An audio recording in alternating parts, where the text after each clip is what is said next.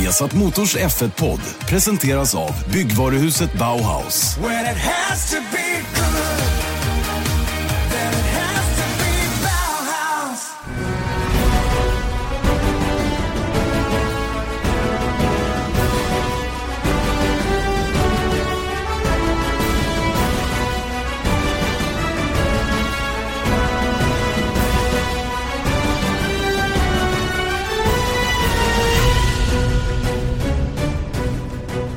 Hej och mycket välkomna ska ni vara till Formel 1-podden. Formel 1-podden som är tillbaka på Acast på iTunes eller på viasatsport.se. Och denna eh, säsongsavslutande podd, det är ju inte den sista vi gör för säsongen men den avslutar säsongen. Mm. Fattar du? Sammanfatta säsongen. Det kan man säga. Erik Stenborg, välkommen. Tack ska du ha. Precis som vanligt. Och eh, eh, har du eh, hunnit eh, tänka igenom det drama vi fick vara med om i söndags?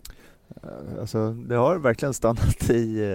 Eh, men jag tycker också med allt efterspel som var så har det verkligen varit närvarande den här veckan. Ja, förvånande mycket åsikter om saker och ting och, det som har, det som har eh, förvånat mig mest det är ju den negativa kritiken Lewis Hamilton har fått hemma Mm. i England. Mm. Att eh, det har varit surr om att han eh, på något sätt körde fulspel och inte gjorde det han skulle och hej och hå. Så det, det förvånade mig att han fick den typen av reaktioner. För mig var det ganska uppenbart vad han skulle göra eh, och att det där var hans enda chans. Mm. Sen, sen har det Ta vad det där var. Ja, det där var alltså att när racet började så låg han under med 12 poäng. Han hade, to- han hade pole position, Nico Rosberg startade tvåa. Sannolikheten för att de skulle komma iväg ett och tvåa var ganska stor ändå, även om det har varit lite strul med starterna. Men på senare tid har ju det funkat för båda två. Så Hamilton drar iväg och får med sig Rosberg som tvåa. Och sen eh, ja, börja racet helt enkelt. Och det var ju ganska tydligt från första varvet att Hamilton inte gick för fullt. Han gick inte för fullt någonstans. Han var väldigt mån om att hålla fältet samlat. Och det här fick ju några konsekvenser. Till exempel att Max Verstappen som snurrade i första sväng men som stannade kvar ute när alla andra gjorde sig av med, med Ultrasoften ganska tidigt. Eh, då hör ju till saken att Red Bull, båda Red Bull-bilarna hade valt att starta på Supersoft för att tanken var att göra en lång första stint. Eh, nu gjorde inte Ricciardo det av olika skäl för han, ville, han raceade Ferrari-bilarna och eh, liksom nöjde sig med det.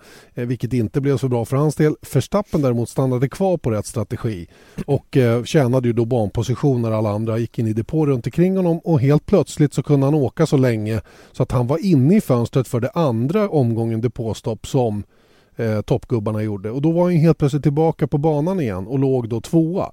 Enda anledningen till att han hade det avståndet fram så att säga var ju att eh, Hamilton hade hållit igen och packat Mm. ihop fältet. Annars hade det nog sett lite annorlunda ut för, för Verstappen i det avseendet. Då. Mm. Nu gjorde Max ett bra jobb i alla fall. Men för mig var det väldigt, väldigt tydligt att Hamiltons jobb den här söndagen var att inte sprida ut fältet för mycket. Att på något sätt öka möjligheterna för konkurrenter att kunna attackera på Nico Rosberg. För det var ju det han behövde. Han behövde ha två bilar mellan sig själv och Rosberg för att kunna ordna VM-titeln. Mm. Vet du vad jag säger om allt det här? Nej.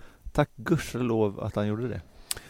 Tänk hur racet hade kunnat se ut annars. Ja, ja, ja, visst, visst. Han bara bladar iväg. Rosberg håller sig på fem sekunders avstånd. Mm. Och de är Inte- i sin tur 20-25 sekunder före nästa bil. Ja, någonting sånt. Mm. Och sen så ligga och vänta och vänta, vänta, vänta ifall. Och, då- hade vi, det enda varit, vi hade kunnat hoppas på, eller vad man ska säga, sett till ett spännande race, var att någonting skulle gå sönder. Mm. Det är det enda som skulle ha gjort Mm. det spännande. Mm. Och, men det gör inte Hamilton för att han vill vinna VM. Det var hans sista chans. Det var liksom allt snack inför från Christian Horner till, det var väl egentligen bara Hamilton som, som hävdade att han inte skulle göra det. Men det är ju också klart, det tycker jag också var så att säga smart av, av Hamilton att säga så här, nej, nej, jag kommer inte göra det för att kanske chocka Rosberg så mycket som möjligt för att få stressa honom till misstag. Och allt det här tycker jag är 100% glasklart att han borde ha gjort det här. Mm. Nej, och det, var en, också gjorde. det var en given taktik. Mm. Det fanns ingen annan taktik att ha. Nej, och för förutsättningarna var också så att någon, då, både eh, Rosberg och Hamilton var givna i toppen. Mm. Det var bara fråga om vem som skulle bli etta och vem som skulle bli tvåa. Det var ingen fara i övrigt. Förstår du vad jag menar? Att de, de, de hade kunnat bryta båda två. Ja, ja, ja, absolut. Och På det hade vis. ändå varit Ja, ja, samma. Det hade inte förändrat någonting för Mercedes. Inte i något mästerskap eller några sådana saker. Nej. De var etta, tvåa i, i, i förra VM och de hade vunnit konstruktörs-VM. Nej men visst. Mm. Eh, och, ehm, men jag tycker ändå att det är förvånande att Hamilton har fått så, så mycket kritik för sitt agerande då i, i söndagens race. Sen är det väl, sen är det, det finns två olika saker i det här. För det som också har kommit upp, eller flytit upp lite grann, det är ju diskussionen kring de teamorder han faktiskt fick. Mm. Och som landade till slut ända uppe på Paddy Lowe-nivå. Mm. När han gick ut på radion och sa This is Paddy, Mm. this is an instruction. Mm. You need to pick up the pace to win the race. Ja. Och, ehm, och, och den instruktionen struntade Lewis Hamilton i. Och det väckte mitt intresse. Mm. För jag tycker det är lite spännande att en förare bestämmer sig för att strunta i en teamorder ibland. Men inte ibland. För att han har en väldig massa nytta av andra teamorder som de har bestämt internt i teamet i sin väg fram emot att köra om en VM-titel. Mm. Eh, Är det då okej att helt plötsligt strunta i en teamorder bara för att det inte passar en just vid det tillfället? Rosberg till exempel i, Monaco som är ett bra exempel Mm. som jag såg att någon hade plockat upp och det är ju det stämmer ju. Rosberg var ju nowhere. Mm. Han hade ju kunnat sabbat Hamiltons race alla dagar i veckan. Eh, om han hade bara stannat kvar i, eh, i vägen hela tiden. Va? Nu bytte de plats på dem och, och, och Hamilton fick chansen att gå för seger. Mm. Vilket han lyckades eftersom Red Bull bjussade på det. Men, men eh, det är ändå så att man kan inte... På något sätt i, i rättvisans namn så tycker jag ändå att man om, man har en, om man har ett regelverk internt i ett team Mm. då får man hålla sig till det. Det är min uppfattning i alla fall. Sen, sen eh, det här att backa ner mot eh, att backa ner Rosberg mot de övriga, det tycker jag är fine.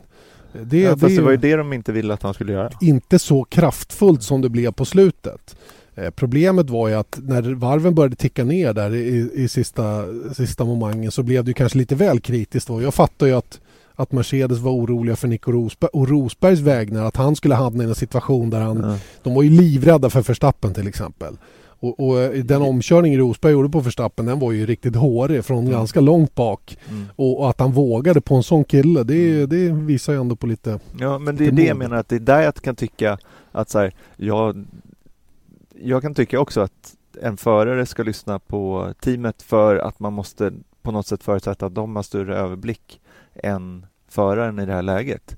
Det är ju på samma sätt som vi har pratat om eh, Saubers strategi Mm. och, och allting sånt där. Sen så är det väldigt annorlunda anledningar till vissa av de besluten har kommit och inte. Mm. Men jag tycker samtidigt att varför kom det överhuvudtaget? Mm. För jag tycker det är så här, anledningen är ju, kan jag tänka mig, eller det är väl ganska klart, att Mercedes ville vinna racet, de ville sluta ett och tvåa, de ville inte ha några kontroverser In runt the här. safest possible way. Precis. Så har de sagt. Ja. Och det tycker jag är jättesynd. Mm. Med tanke på det Mm. vi sa innan, Mm. att det var ingen fara i övrigt. Mm. Utan då hade det varit, tänk dig liksom lite Red Bulls eh, sätt att ta sig an Formel 1, i varje fall Imagemässigt. Mm, Okej. Eh, Mm. imagemässigt är att så här, men we let them race och allting är lugnt. Säger Red Bull det? Ja, Mm. alltså det, jo men deras eh, policy eller vad man ska säga utåt sett. Sen så är det ju såklart att de,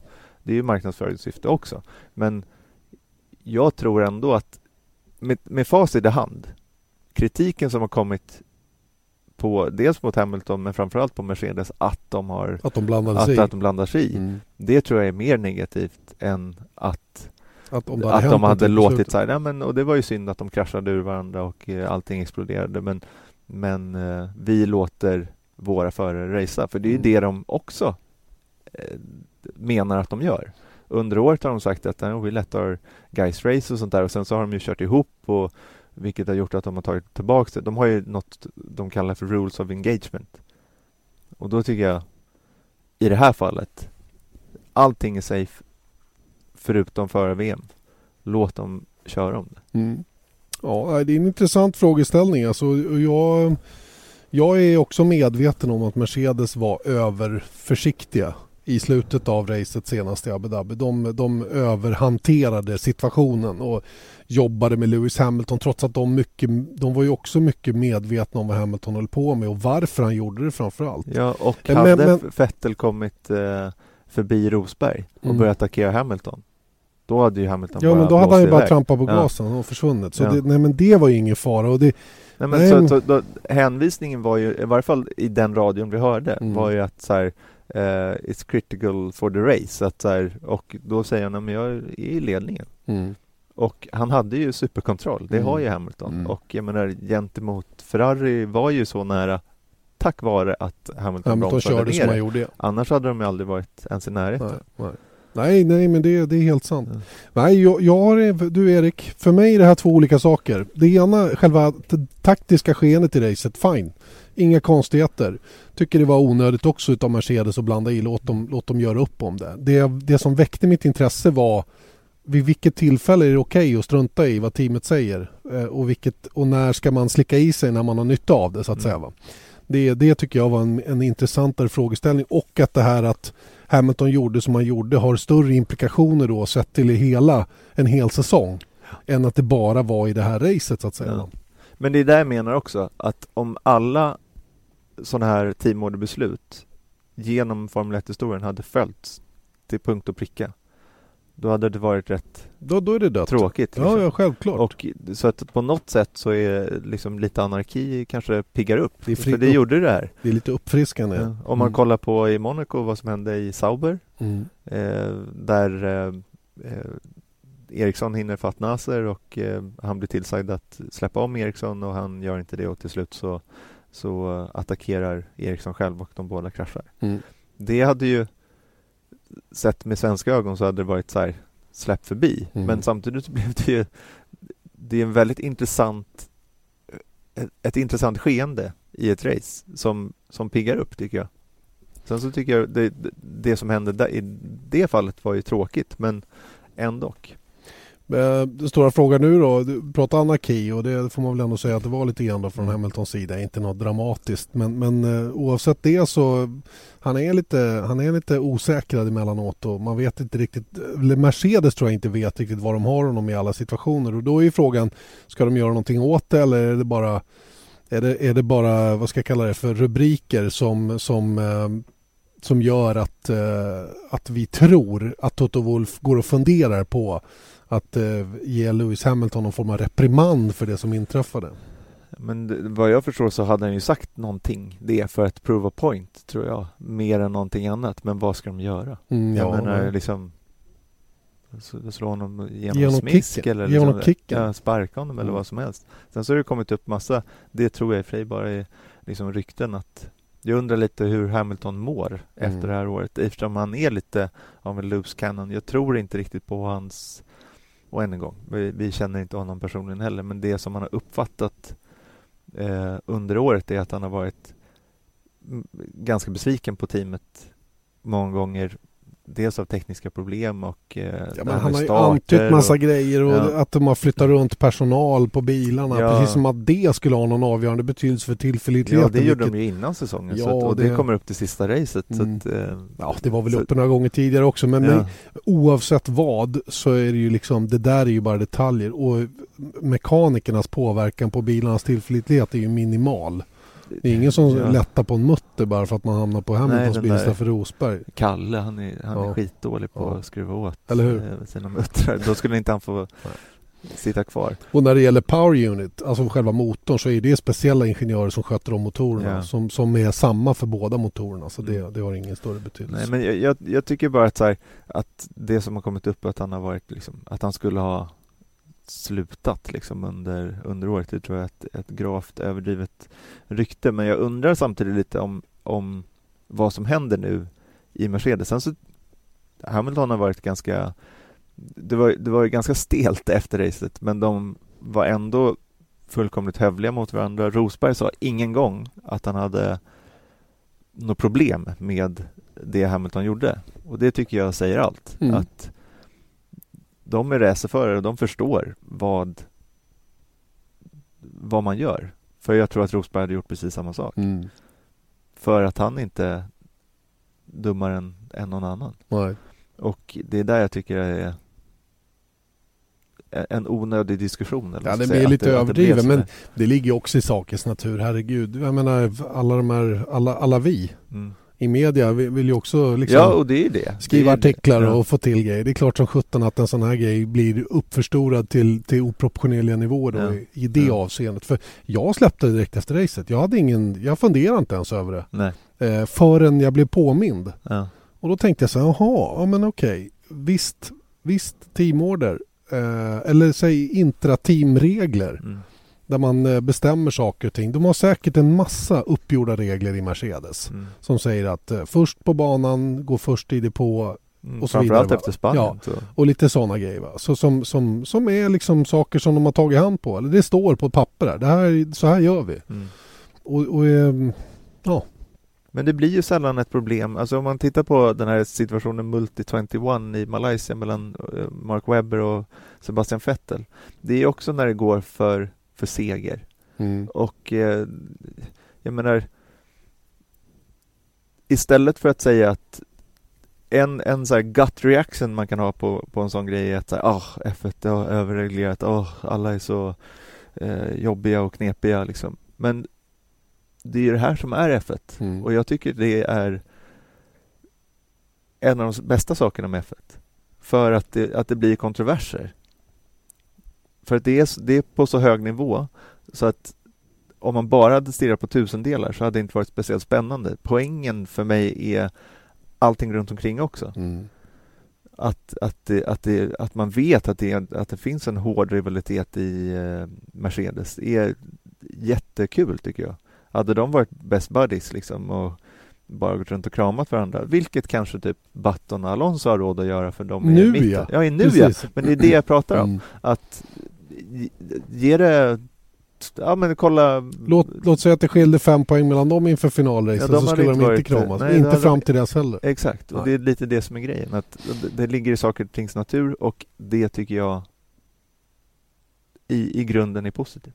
För att det spicar upp. Det roliga är att vi pratar bara Hamilton här, inte den som faktiskt vann VM. Nej. Nico Rosberg, Nico Rosberg som, eh, som körde in flest poäng i år. Punkt slut. Och som eh, ändå har blivit lite ifrågasatt. Teamcheferna gjorde någon undersökning, den årliga hos Autosport och där hamnade han en bit ner. Mm. Då ska vi dock komma ihåg att den undersökningen handlar inte om vem som var bäst över året Nej. utan vem som är den bästa föraren. Mm. Och det tror jag vi alla är rätt överens om att Nico Rosberg har lite kvar Mm. upp till de allra bästa. Fernando Alonso, Daniel Ricciardo kanske även Lewis Hamilton. Mm. Eh, och det är inte alls konstigt att han hamnar en bit längre ner. Men faktum kvarstår, han körde upp fem poäng, nej, två poäng mer. Eller vad var det? Eh, I slutändan? Ja, Fem. fem poäng. Fem. Fem poäng mer än Lewis Hamilton gjorde över 21 race oavsett anledning. Mm. Och då är man inte dålig. Då är man en värdig Nej, världsmästare. Nej, och det roliga är att jag tycker att det här sista racet i Abu Dhabi visade, gav honom mera för det har varit väldigt mycket skriverier i England eh, och du vet, de har ju fått väldigt mycket, eller Hamilton har fått väldigt mycket frågor runt är han värdig mästare? Mm. Och eh, vi har väl konstaterat att ja, men vinner han VM så vinner han VM. Men jag tror samtidigt att det faktum att Rosberg fixade det här för att han var bra tagen efter racet. Man såg att han var helt slut eh, psykiskt. Han sa ju att det Mm. var det värsta han varit med om. Mm. Eh, att han fixade det och det här omkörningsförsöket som, som kom som var nära. Att han klarade det och höll emot pressen ty, tror, tycker jag ger det mer om det var någonsin ifrågasatt hans värdighet att vinna VM så tycker jag att sättet han hanterade Abu Dhabis Grand Prix på eh, visade att han är det. Mm. Och eh, en annan sak som jag tycker är intressant också som vi såg samma fenomen av förra året. När Hamilton hade vunnit VM i Austin så bara släppte han ner ja. 2-3 procent. Och, och Rosberg kunde enkelt vinna. Så Mm. små marginaler är det ju. Mm. I år var det omvänt förhållande. När Rosberg fick klart för sig att det räckte att bli tvåa resten av säsongen, Mm. då blev han tvåa resten av säsongen. Mm. Förstår du? Mm. Det, det, är liksom, det är så jätte, jätte... Vi tror ju ofta att de är liksom mm, mm, Maskiner. maskiner, Mm. robotar som bara liksom, boom. Men så är det inte. Nej. Det mentala har en enormt stor påverkan på om du presterar eller inte. Va? Och det är någonting som jag har fått klart för mig ju mer jag umgåtts med Marcus Eriksson. Hur viktigt det är att må bra. Att känna självförtroende, att våga utmana bilen, att våga utmana banan, att våga. Att känna att jag är oslagbar, hela den biten, hur mycket den bygger dig som förare. Vi har ju sett samma fenomen på Felipe Nasser. Mm. Så, som eh, tycker jag då, i takt med att han fick stryk och hamnade liksom i fick dålig publicitet och alla de här bitarna. va, Ju mer så, ju tyngre gick det för honom och ju mer hörde man de tongångarna. Och eh, man, visst, man kan ju säga att ja, men Hamilton han vann flest race under 20, 2016 Mm. och borde därför ha blivit världsmästare om det inte vore för haveriet i Malaysia. Det är ju ett sånt, ett sånt argument. Mm. Men, men visst, så är det ju. Självklart är det 25 poäng som Men, försvann. men då kan man, det är också det är otroliga hypoteser för att det är också det där Okej, hade han vunnit i Malaysia vad Då hade ju då kanske Då hade inte Rosberg behövt bli tvåa Exakt. Och då, då, hade det kanske sett ja, annorlunda då ut i kanske han hade Och då hade kanske Hamilton haft en annan marginal så att Mm. säga att Då kanske det hade räckt att han hade blivit tvåa Exakt, och då Och behöver han börja då, köra liksom? på resultatet istället. Va? Så Så det, man kan aldrig liksom för, alltså man kan inte blicka tillbaka och säga så här Det var det här som avgjorde VM För att det, man vet inte vad som hade hänt efteråt om och kanske och det hade hänt. Nej, och jag, jag tycker Hamilton själv sammanfattade det i en tweet eller vad han la upp häromdagen när han sa att Nico Rosberg gjorde vad han behövde göra för att bli världsmästare. Mm. Exakt så är det. Mm. Han gjorde exakt det han behövde göra för att bli världsmästare. Mm. I det här fallet krävdes det inte att han vann de fyra sista racen. Ja. Utan det räckte med att bli tvåa. Mm. Och han gjorde precis det. Och sen kan man ju säga också att han vann sju race på raken om man tar med de tre sista 2015 och, Och fyra, fyra första. första. Mm. Jag menar det är inte, Inte fy skam. nej. Och ja, jag vet inte. Jag tycker eh, det var ett bra VM. Ja, Helt klart. Jämnt och bra och det var fight ända in mot mål, mållinjen då. Framförallt mellan de båda Mercedes-förarna. Ehm, det om finalracet då som... ehm, det var ju fantastiskt att vara där bara rent allmänt med fyrverkerier och det är en bra... Lionel Rich. Ja det missade jag i och för sig va? Men, men, men grejen är att jag tycker det är, det, är, det är ett snyggt ställe att ha final på. Mm. Det är världens tråkigaste bana. Mm. Den är, den är då, dötråkig tycker jag. För att den, är, den har... Den, den, den, det är ju själva bansträckningen är men det är liksom på något sätt så den utmanar inte förarna tillräckligt mycket som den borde göra. En Formel 1-bana bana borde vara tuffare tycker jag. Ja. Samtidigt så tycker jag att det är kul med de där två chikanerna efter långa Mm. raken också för att det är också där kan det komma in en taktiskt spel att så här, inte köra om i första för att kunna liksom Ja, sånt nej, där. men Så visst. det, det finns så, men det är ju det också som Ja. vi pratar om att så här, jag Alla banor här, kan inte vara lika. Nej, för då och det, det det är också en, en tjusning liksom Ja. att skulle man köra eh, alla race på Monza, Spa och Suzuka man hade blivit rätt tråkigt. Det Ja, hade det är blivit klart. precis likadant jämt. Ja, ja. Nej, det är klart. Apropå det så fick vi en ny kalender igår. Yes. Eh, nu är den ju bekräftad så vitt Mm. jag vet ifrån eh, FIA, det internationella motorsportförbundet. Eh, det har skett några små justeringar, bland annat är Tyskland borta, det visste Mm. vi ju sedan tidigare. Det är fortfarande inte 100% säkert att Brasilien blir kvar på kalendern, men mycket talar för det då. Mm. Eh, dessutom har man eh, flyttat undan eh, Azerbajdzjan så att det inte krockar med Le Mans på 24 Fast det timmars. står här också att när den här släppet eh, släpptes då står det eh, The Interlagos event secured this place officially by the conclusion of the VMC, eh, VMSC meeting. World Motorsport Council. Council. Mm, att det, jag tror att Då är den med. Okej, hundra. bra. Eh, hur som helst, det är ingen krock mellan Le Mans 24 timmars och, och Azerbajdzjans Grand Prix. Mm. Vilket öppnar upp lite grann för eh, lite olika saker. Nico Hülkenberg får chansen att, vinna 24 timmars en gång till. Mm. Kanske Eh, Fernando Alonso som vi pratade om här om för några Just veckor det, sedan. just det. Jag tror att han gnuggar händerna lite grann om man får tillåtelse att göra det här. Mm. Eh, att, att hoppa över och köra en, en LMP1-bil då på Le Mans 24 timmars. Men Janne, jag sa ju att Ja, han ja. sa det själv att han Ja, skulle göra det. ja men fine, fine. Ingen blir gladare än jag om man gör det och nu kan jag dessutom se det. Ja. Jag kan till och med åka och titta på det. Mm. Vilket det har varit en stor dröm i alla år. Att få åka på Le Mans 24 timmars. Eh, gärna med något bra eh, VIP-paket så att Ja, man, har, så man har det trevligt en hel helg Ja. där. Det, det skulle jag tycka var toppen. Du kan lägga dig i den där Pariserhjulet om Ja, ja, ja, sova självklart. där lite. Självklart, självklart. Nej men absolut. Jag vill, eh, jag vill, det, det är verkligen något på min bucket list. Mm. Jag ska se 24 timmars på Le Mans live någon gång. Fick en Eh. idé, vi borde göra ett reportage där. Ja, det tycker jag Och också. så sänder vi det till, till Baku. Toppen bra, då är det bestämt känner jag. Mm. Ehm, och ehm, den kalendern över 20 race eh, har alltså inte Tyskland med då. Men 20 race tycker jag räcker gott. Jag vet inte om, om du...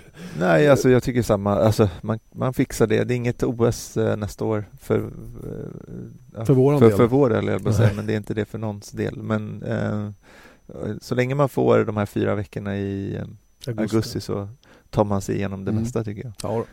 Sen så tycker jag i och för sig att det är ganska skönt att det inte är fyra race i I juli. juli. också. Mm. Det är oerhört mycket. Och sen så har de också flyttat på eh, så att Kanada och Azerbajdzjan inte är back-to-back. Just det, för det var ju stökigt förra gången Ja. att man skulle åka med alla grejer från Montreal Till, eh, till Azerbajdzjan. Ja. ja, och det är verkligen på tvärt...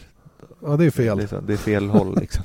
Och alla som var i Montreal var tvungna att flyga hem till Europa för att sen åka vidare Ja. till Azerbajdzjan. Så att, nej, det där vart knasigt. Men- Lite knasigt. Men, eh, men jag tycker det, det, det är en bra kalender och nej, det är synd med Tyskland tycker jag. För att det är ändå... Du, de, sen 92 har de tagit 50% av alla VM-titlar, tyska Ja. förare. Ja, De, de, de är flera stycken på griden. Vad i hela friden gör att de inte har publikunderlag som kan ordna ett race som går runt? ja. Det är ju, jag läste Mark Gallagher som var chef för Cosworth tidigare. Mm. Han är ju expert numera åt BBC. BBC. Mm. Och han är, han är ju insatt i den här branschen. Han, han sa det finns ju de, jag tror han kallar det för de fyra P'na. Mhm. Eh, och där är... Nu måste du redovisa de här Ja, jag, jag, jag ska, bara för det så ska jag, bara, bara för det så ska jag ta fram vad han sa. För att eh, det, det var rätt intressant. Han menar ju på att eh, de, är, de har ju slarvat bort det här själva. Pennies, politics. Nej, jag vet inte. Jag skriver lite. Pausmusik. Pa, paus. Här har vi honom. Bra, bra, bra, bra. Här kommer han. Då ska vi se. Ehm, eh, Mark Gallagher som sa här. ehm, product, price, packaging och promotion. Det är de fyra P'na.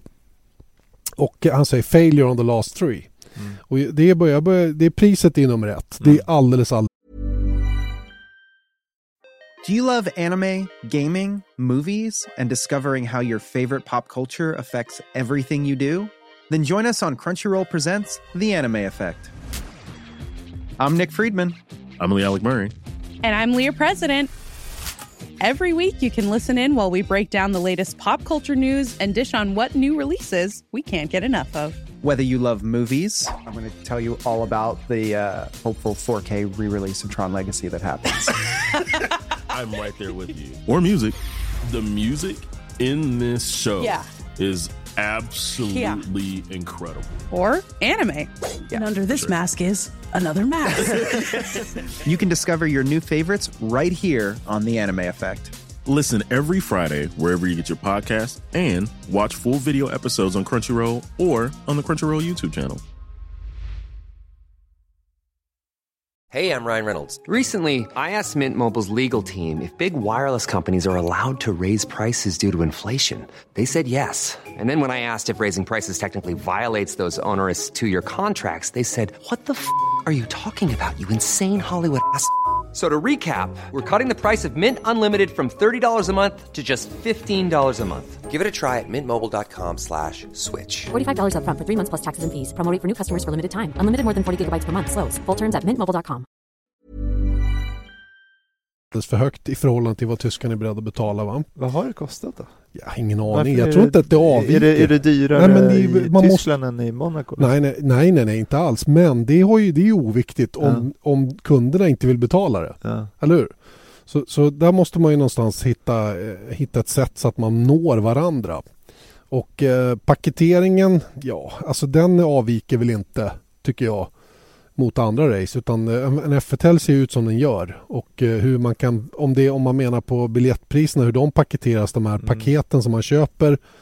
Om man måste köpa tre dagar eller man kan köpa lösa biljetter. Jag köper ju alla biljetter så det vet Nej, det, jag. vi är ju inte riktigt i den målgruppen. Vi, vi får biljetter på annat sätt. Och sen, och sen eh, att de, att de eh, lyckas med promotion, alltså Mm. den reklam som man behöver göra. Och det har ju varit lite grann när de har kommit och gått att de har haft svårt att få igång den apparaten där, Mm. där marknadsföringen av racet går. Men En aspekt som de har lyft upp är ju att de är lite, eh, kallar det World Championship, eh, alltså VM-bakfulla.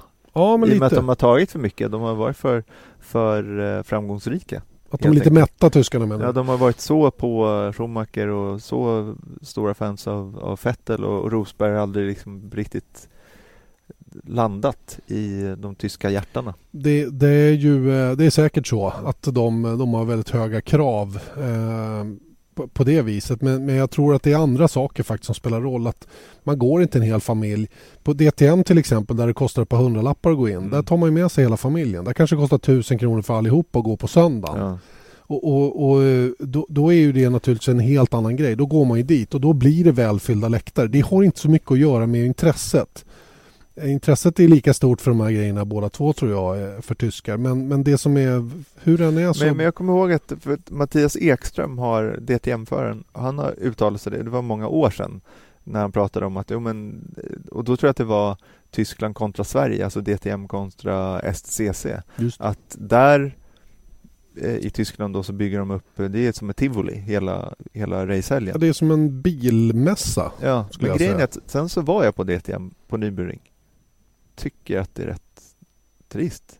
Händer inte så mycket överhuvudtaget. Nej, och du, framförallt är du ju ganska utestängd från det som man i Formel 1. Mm. När Sen man får du gå in och- i paddock och Ja, sånt där. ja, ja, men- Eh, Visst, men där händer ju inte så mycket. Det finns Ingenting. ingenstans att sitta riktigt Nej, och nej. liksom det, du kan fortfarande bara äta korv liksom och, och, och så Och på andra sidan läktaren, där händer ju i praktiken ingenting. Nej. Sen så är det, Nybring är väl lite sådär äh, ökänt från, jag har varit på väck där också, det var, Det är ju det, det är ingen liksom, det är ett konstigt ställe att vara på. Men jag menar 250 000 åker och tittar på VLN 24 timmars. Ja. Jag menar, det är inte, Nej, det är inte otillgängligheten Nej. tror jag inte spelar någon roll utan det är andra saker. Men jag tror att Formel, ska Formel 1 lyckas i Tyskland då behöver, de, då behöver de stila till priserna. De måste göra det mer attraktivt helt enkelt Mm. och, eh, och jobba hårdare med marknadsföringen utav racet så att det blir lockande Mm. att, att åka dit. Att man hittar lösningar typ Silverstone som sänkte priset för barn mm, mm. för att få med hela familjen och sådana Mm. saker. Hellre välfyllda läktare Mm. och lite, lite mindre marginal än, än att man säger att eh, vi, vi, det räcker om vi fyller det till tredjedelen. Mm. 58 000 eller vad som var Men, det- break-even. men i slutändan handlar det väl om, om vad det kostar för Hockenheim att arrangera det. Ja, Och det är väl antagligen så, det kanske är slut på räkneexempel. De kanske inte kan ta så mycket mindre betalt. Nej, det, men, nej, men det beror ju lite på. Idag, nu i år stängde man ju av halva, första, halva stora läktaren längst in i första Mm. sväng. Det är Mm. bara för att det var ingen idé att ha den öppen. Det är ingen som kommer dit. Mm. Och då trycker man ihop det lite grann så att det ser välfyllt ut på de andra läktarna Mm. istället. Å andra sidan har det varit jättevälfyllt på väldigt, väldigt många andra Ja. race också. Jag så tror att inte jag att tycker det, det är någonting med Tyskland som vi får, vi får forska lite. Vi får analysera det vidare. Hur som helst så är de inte kvar på kalendern i vilket fall. Så det är en, en eh, hypotetisk Mm. frågeställning. Men 20 race och under de här 20 racen, vad har vi att vänta oss då? Ja, förhoppningsvis väldigt bra racing. Det har ju i alla fall testats fram en, en hiskelig massa däck. Eh, Den sista däcktesten gjordes i Abu Dhabi i förrgår. Mm. Där man eh, körde då de, de, de Första gången alla tre som bilarna. Alla tre, ja. De så kallade specialbilarna då utav 2015 års modell. Som Från har Red byggts om. Bull, Mercedes och, Och Ferrari. Och de har ju alltså om, ombyggt, eller man har designat om dem lite grann för att anpassas lite mer då till de kommande downforce-nivåerna då för att Pirelli då på ett någorlunda korrekt sätt ska kunna få data då som de kan basera hur däcken ska vara då inför nästkommande säsong. Och, eh, du har ju skrivit på lite här och, och eller eh, Det är 96 olika just det, blandningar har de, har de eh, testat. Och eh, de har kört, under de här 24 dagarna har de kört 12 000 drygt kilometer. ja, Ja. 12, 1200 mil. Så jag hoppas att de har lite att gå på. Och rimligen så borde de ju ha kört de gummiblandningarna som man nu bestämmer sig för att använda nästa år i största möjliga mån i alla Ja. fall under, de avslutande, under den avslutande dagen då. Men det är blindtester då från, eh, från eh, teamens sida. Just det. Ska det vara. Men de har väl, det måste de väl känna. Oj, det här var... Ja. Det, det, Pierre Gasly sa till Marcus Eriksson, jag vet inte om jag nämnde det i förra podden Nej. eller om jag nämnde det i Formel 1-sändningen. Pierre Gasly har ju kört Red Bulls eh, Mule Car och testat de här däcken just i Abu Dhabi. Han sa att f- 20 varv, inga problem, full mutter. Det var, det kunde, han kunde hamra på dem hur mycket som helst mm. och tappade bara några tiondelar. Eh, Det man fortfarande behövde vara lite uppmärksam på det var ju hjulspinn ut ur vissa svängar och inte Mm. överhetta ytan så att säga. Men det är ju inget konstigt. Nej, Det gäller ju säkert för, för samtliga däck, de är så däckfabrikat. breda nu så det går väl inte att få hjulspinn. Nej, det är möjligt att det är så också. Då. Men, Mm. men det är ju lite uppmuntrande att höra den Mm. typen av feedback från, från de här nya däcken. Då. Mm. Så länge de går av någon gång så att de inte Ja, bara... går for, forever and ever. Ja. Nej, men eh, det är, det, är, det är väl det som är tricket att bygga ett däck som håller 20 varv Ja. men som inte tappar i prestanda under de här 20 varven. Ja, jag, jag, enda jag det, det, allting är ju blint så man vet ju inte och vi vet ju inte hur bilarna kommer se ut eller hur det väl kommer liksom sluta med de här nya mer downforce, bredare däck, bredare vingar. Eh, det vet vi inte. Men Nej. det sätter däcken så hoppas jag på att de liksom inte får klagomål direkt. Nej. Eller att det blir massa eh, failures eller explosioner eller vad det nu kan tänkas vara. Att det, att det i alla fall rullar på. Mm. Eh, och att de inte blir sådana där ah, hela, alltså enstoppsdäck. Nej, liksom. nej det, det vill man inte heller ha. Nej, man vill ha däck som går att, att racea på ordentligt, vilket förarna efterfrågat. Sen återstår fortfarande att se om det är bättre för oss rent underhållningsmässigt. Mm. Jag är inte så säker på det, men låt oss se vad som kommer att hända. Vi, du hörde ju Marcus eh, Eriksson i intervjun vi gjorde med Abu Dhabi. Han vill ha ett monster att tämja. Det är ju Mm. det som alla förarna säger. De vill ha ett monster att tämja. Mm. De tycker inte att de har det idag. De har det rent effektmässigt. Mm. Där saknas ingenting. Bilarna som sådana är tillräckligt, men det är däcken. Mm. Och kanske, kanske kan de få däck nu då som gör att det går att åka så hiskeligt snabbt i kurvorna så att de får det här monstret att tämja dem. Inte Nej, vet jag. nej, men det, det, det är dit vi går Ja. och då är det bara att hoppas att, att, att det kommer funka Mm, bra också. mm. Men sätt då. då. Nu kommer inga Formel 1-bilar vara på banan förrän den 27 februari. Nej, då börjar första testen Mm. i Barcelona. Mm. Var ser... Vad, vad, vad, vad, vad ser du? Eh, vad jag ser framför mig, jag ser ju eh, jag ser eh, de här nya bilarna. Jag pratade faktiskt med en ingenjör som hade tjuvkikat lite på ritningarna. Det är ju ganska, förarna, de som inte har skrivit på kontrakt förrän sen, de får inte reda på någonting. Nej, det var ju det som vi Ja. pratade om med Marcus också. Han hade Exakt. inte sett ett skit. Nej, nej, nej, inte någonting. Va? Men, men eh, jag pratade med en person som hade sett och, och frågade då, men ser de ut som de här dataanimeringarna vi har sett? Ja, sa han, det, det gör de va, men de är coolare i verkligheten, sa han. Ja. De är coolare i verkligheten. Och, och vi började prata om den här bakvingen som ser ut som den här gamla A1 Ja. Grand Prix-bilarnas Ja. bakvinge. Det var väl inte, det tyckte varken han eller jag var speciellt. Alltså att de går in Ja, de, eh, de, under de, till liksom. rundas av ner till ändplattorna på bakvingen. Då. För de vill Bakvingen inte som- ha eh, turbulens från hjulen riktigt. Just det, just det. Och, och sen eh, att de är bredare, bakvingen är bredare och lägre. Plus Mm. att de får en större diffuser i bak. Bilarna i övrigt tror jag inte kommer att avvika rent utseendemässigt från det de har haft idag. De kommer bara att vara lite bredare. Inga, inga sådana här myrslokar eller? Ing, nej, nej, det tror jag inte. Nej, men Det- för de har inte ändrat eh, det- höjd och sånt där på, Nej. på nosarna. Nosarna kommer att vara ungefär detsamma. Mm. Vi- Framvingen blir lite bredare Mm. För att styra undan luften runt de här bredare framhjulen. Man måste liksom kompensera för det då. Mm. Så att eh, jag tror att bilarna kommer att se ut, det enda som kommer att se, se annorlunda ut det är ju bakvingen så att säga. Mm. Den, den kommer ju sticka ut lite grann i förhållande till den här smala höga som vi har haft nu under en period. Men det är också lustigt tycker jag när man ser bilder på, de släppte lite bilder från eh, Abu Dhabi och då ser man liksom en, en bild på en Ferrari bakifrån och sen så ser man däcken, alltså det är ett otroligt blickfång. Mm. Att det är konstigt ändå att man bara så här wow. Mm. Att jag, jag får verkligen så här det ser coolt ut. Med breda däck menar Ja, ja. ja. ja och jag ja, vet ja. inte vad det är men liksom det är så här, nah, det, Men vadå? Det, det har du väl någonting. hållit på med sen du var Jo, men det är det jag menar, men- att det skulle vara breda Ja, däck. exakt, det måste vara Herregud. bredare. Ja, men jag fattar inte det heller egentligen. Bara- Förutom då att en av mina favoritbilar som eh, jag haft sedan jag var också liten var en Fiat 500. Det var inga breda däck Nej, nej, nej. Det var... Inte ens på Abarta. men ändå. Nej men Ja, jag, det, det Teammässigt då? Teammässigt... ehm, Är Red Bull? Det är Ja. bara spekulation. Ja, men- nej, men det tror jag säkert att de kommer att kunna vara. Eh, däremot så... Eh, det är ju så jätte, jättesvårt. Senast vi hade en sån här förändring av det här slaget, det var ju fram mellan säsongen 2008 och 2009. Mm. Och eh, då, då, eh, då hände ju väldigt mycket. Det var ju då Braun kom på sista träningen, eller sista, sista b- testdagarna i stort sett och körde ifrån alla. Så fick vi lite udda säsong. Jag kom- försöker komma ihåg när vi annars senast hade en sån stor 13, reglement. 14. 13, 14, ja fast då var det en, då var det en var det så reglementsförändring som hängde ihop med motorn.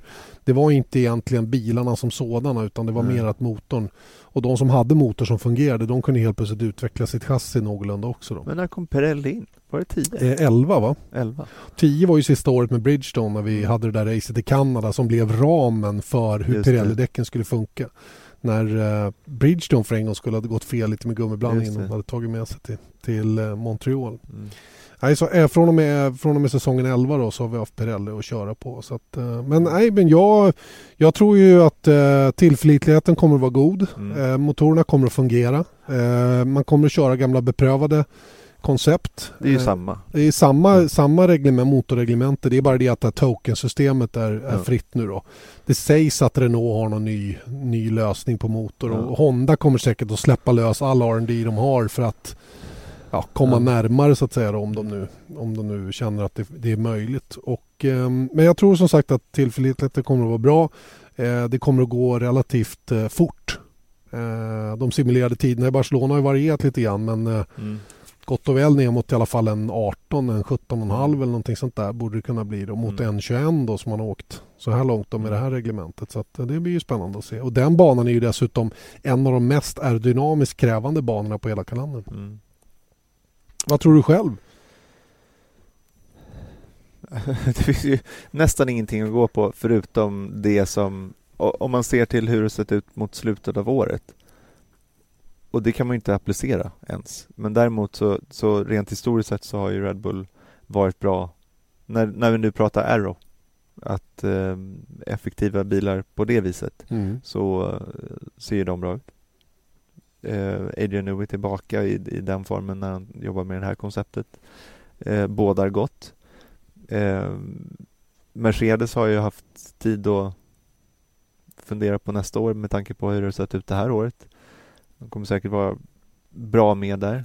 Jag ser inte varför de, för det är fortfarande motorn som är den är väldigt bra i alla fall och sen så har vi eh, den har inte varit en dålig bil i övrigt heller. Nej, nej tvärtom skulle jag vilja säga. Mm. Det de har lyckats med i det här reglementet som vi har haft och de däcken vi har haft det är att jobba däcken på ett bra sätt utan att köra med mycket rake och sådana saker. Mm. De har haft andra lösningar för att och de har haft någon, eh, någon smart lösning för eh, fjädringen till exempel som det har pratats väldigt mycket om och, och att sådana såna bitar skulle ha varit avgörande för Mercedes framgångar på många sätt. Och jag tror att eh, där kanske det gäller ju att de får att de prickar in det på samma sätt. Mm. Förra gången vi gick ifrån eh, från eh, V8 till, eh, till eh, V6-reglementet så var det ju det var ju mycket, då, det ska vi väl säga då att i den skarven 13-14 så byggde man ju faktiskt om däcken en del Mm. mm. från det som hade varit innan och om ni minns så var ju Mercedes, de dödade ju sina däck Just fram det. till 13 Just det. Men från 14 och framåt så var det inget problem längre. Nej. Det var helt plötsligt eh, löst alla dagar i veckan. Ja. Förmodligen så handlade det väldigt mycket om de bilarna som man byggde där in emot 14 att titta på nivåer som jobbade däcken på rätt sätt från och med 2014 och framåt. Då. Och då får man hoppas att de teamen nu som har, alltså Ferrari, Red Bull och Mercedes som har testat nästa års däck och eh, trots att det är blindtest då än en gång, men att, att det inte blir en alldeles för markant det hade också varit kul om, om de tre teamen kan tävla men också att kanske slänga in en joker där Mm. ibland. Det kommer inte att hända. Nej men på Nej. något Nej, vis. men jag Att fattar vad du menar, men Titta det- på, vad var det, 2012 där. Ja. Helt plötsligt en Williams vinner Mm. eh, med Maldonado bakom ratten. Eh, Mm. liksom, why not? Mm. Kanske. Mm. Eller McLaren. Visst. Liksom Nej, det är väl, de är ju de enda som jag ser det som borde kunna ta det klivet så att de går in i det här i, i, i det stora gänget som Ja. kan vinna VM. Någon annans, någon, inget annat team har de resurserna. Inte Nej. Williams, inte Force India, eh, inte, inte någon annan. Det är så enkelt. Men du, tänk då på vilka du tippade i slutet av 2008 som skulle vara med 2009. Och vips kom Braun. Braun. Ja. Det, det hade du inte trott. Nej, det är klart att jag inte hade. Däremot så visste jag att Honda var bra. Jag hade ju hört talas om det här att de, hade, de körde alltså fem designprojekt samtidigt under andra halvan av, eller under hela 2008. För de hade ju mer eller mindre gett upp den där skitbilen. Den där jordglobshistorien som Ja. de åkte runt med. Men titta då på vad McLaren kanske då skulle kunna uträtta. Ja, men jag hoppas att de gör det. Ja. Jag hoppas bara att de har rätt folk på rätt plats. Att Ja. de har de den kompetensen internt i teamet. Det vet i 17 om de har ärligt talat. Finns den på fler ställen än hos de två största teamen nu då, Mercedes och Red Bull?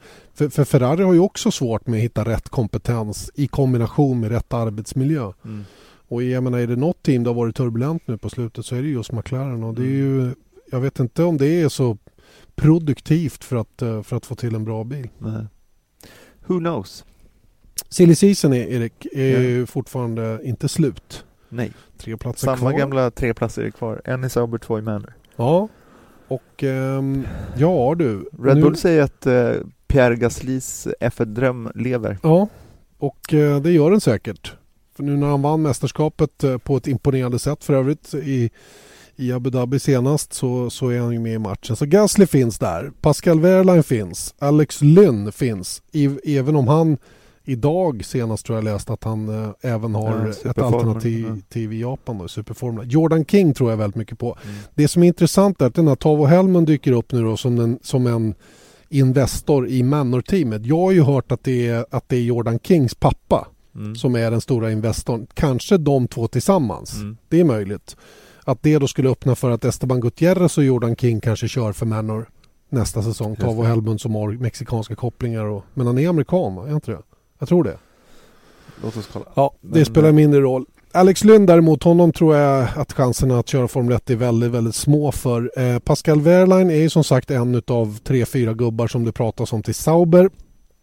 Eh, lite osäker på hur, hur det ser ut för Pascal Wehrlein faktiskt. Eh, det är ju helt uppenbart att Mercedes valde att satsa på sin andra junior, nämligen Esteban Ocon. Mm. Och den stora frågan är ju hur mycket resurser finns kvar då att hjälpa eh, Wehrlein också framåt i karriären. De har ju ändå investerat en del i honom så jag tror att det borde finnas lite muskler kvar. Gasly som du nämnde. Eh, men vi pratar ju inte Filip Naser. Nej.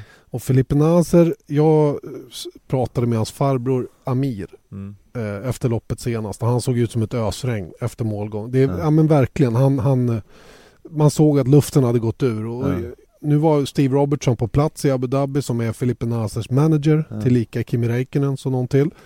Och, och det är klart att de jobbar hårt. Men faktum är att deras stora, stora sponsor Banco do, Bra- do Brasil. har dragit tillbaka supporten. Mm. Och, och eh, Amirs eh, argument var att ja men herregud vi har betalat jättemycket pengar de två senaste åren och vi körde in den där två poängen i Brasilien. Vi, Ja, Liksom, det, hallå. Det är ju... det är gamla meriter. Tyvärr för deras del vilket gör att det det är svårt för dem att, att sy ihop där. Och äh, ärlighetens namn, jag tror att han får... eh, För, för han är, Nasser är ju inte så bra att han lever på, på eget... eh, Nej. på egen hand så att säga på, på resultaten och, och de har ju inte varit bra heller under, under 2016 framförallt. Han har inte alls varit på den nivån som, som eh, jag tror han själv hade hoppats vara på. Även om bilen inte har varit konkurrenskraftig Mm. så har det saknats en hel del från Nasers sida för att verkligen på riktigt vara aktuell för en styrning i Renault eller Force India eller Williams eller vad det nu har Mm. varit. Men det bygger ju lite på eh, hans vara eller icke vara i, i Sauber är ju alternativen som Mm. de har. Ja. Att eh, ponera att eh, Rio Harrianto har en- en pengasäck då kanske de men ändå tycker då att eh, utvärdera Nasser som bättre då kanske de går på om det bygger på att de har de pengarna att, att eh, hoppa över så att säga. Mm. Mm. Men det Du tänker inte på jag. Sauber? Ja, Sauber. Ja, ja, det har inte jag någon aning om heller. Så att det, det, man Nej, får men, men, det, men det är också det där, det som också är lustigt det, nu att NASA går direkt ut och säger sådär, money still talks over talent. För helt plötsligt, han som skulle kunna kallas en paydriver eftersom man har med sig Banco skulle kunna kallas, han är väl det- då? Är det ordets rätta bemärkelse? Jo, jo, men det jag Ja, menar, ja. öknamnet Mm, paydriver mm. som vi har försökt göra någon distinktion emellan, är att han som har kallats en paydriver, när han helt plötsligt inte har någonting att pay for, Mm. då är det money still talks over talent. Mm. Som att det är så här, uh, förstår du? På Ja. samma sätt som till Ja. exempel Heikki Kovalainen drog inte. till med. Jag orkar inte. Nej men visst, men det är bara så här, jag tycker ändå att det finns en uh, Ja. Vad, vad snabbt det kan gå. Ja. När, när du inte har pengarna att betala med, då, Ja. då är det Det är ju, fruktansvärt. det är ju tönt. Det är ju tönt. Ja. Hela diskussionen är töntig. Mm. Någon betalar. Punkt slut. Önskeförare då? Önskeförare i Formel 1? Ja, jag vet inte om jag har någon sådär som, är- som ligger på lut. Eh, Nej, men om, du, om, du, om du får välja mellan de tre som finns kvar. För Sauber menar du? För, ja, Sauber och två i Manor. Ja, jag, skulle, jag hade gärna sett eh, åtminstone en av dem i topp två i GP2 i Formel 1. Mm.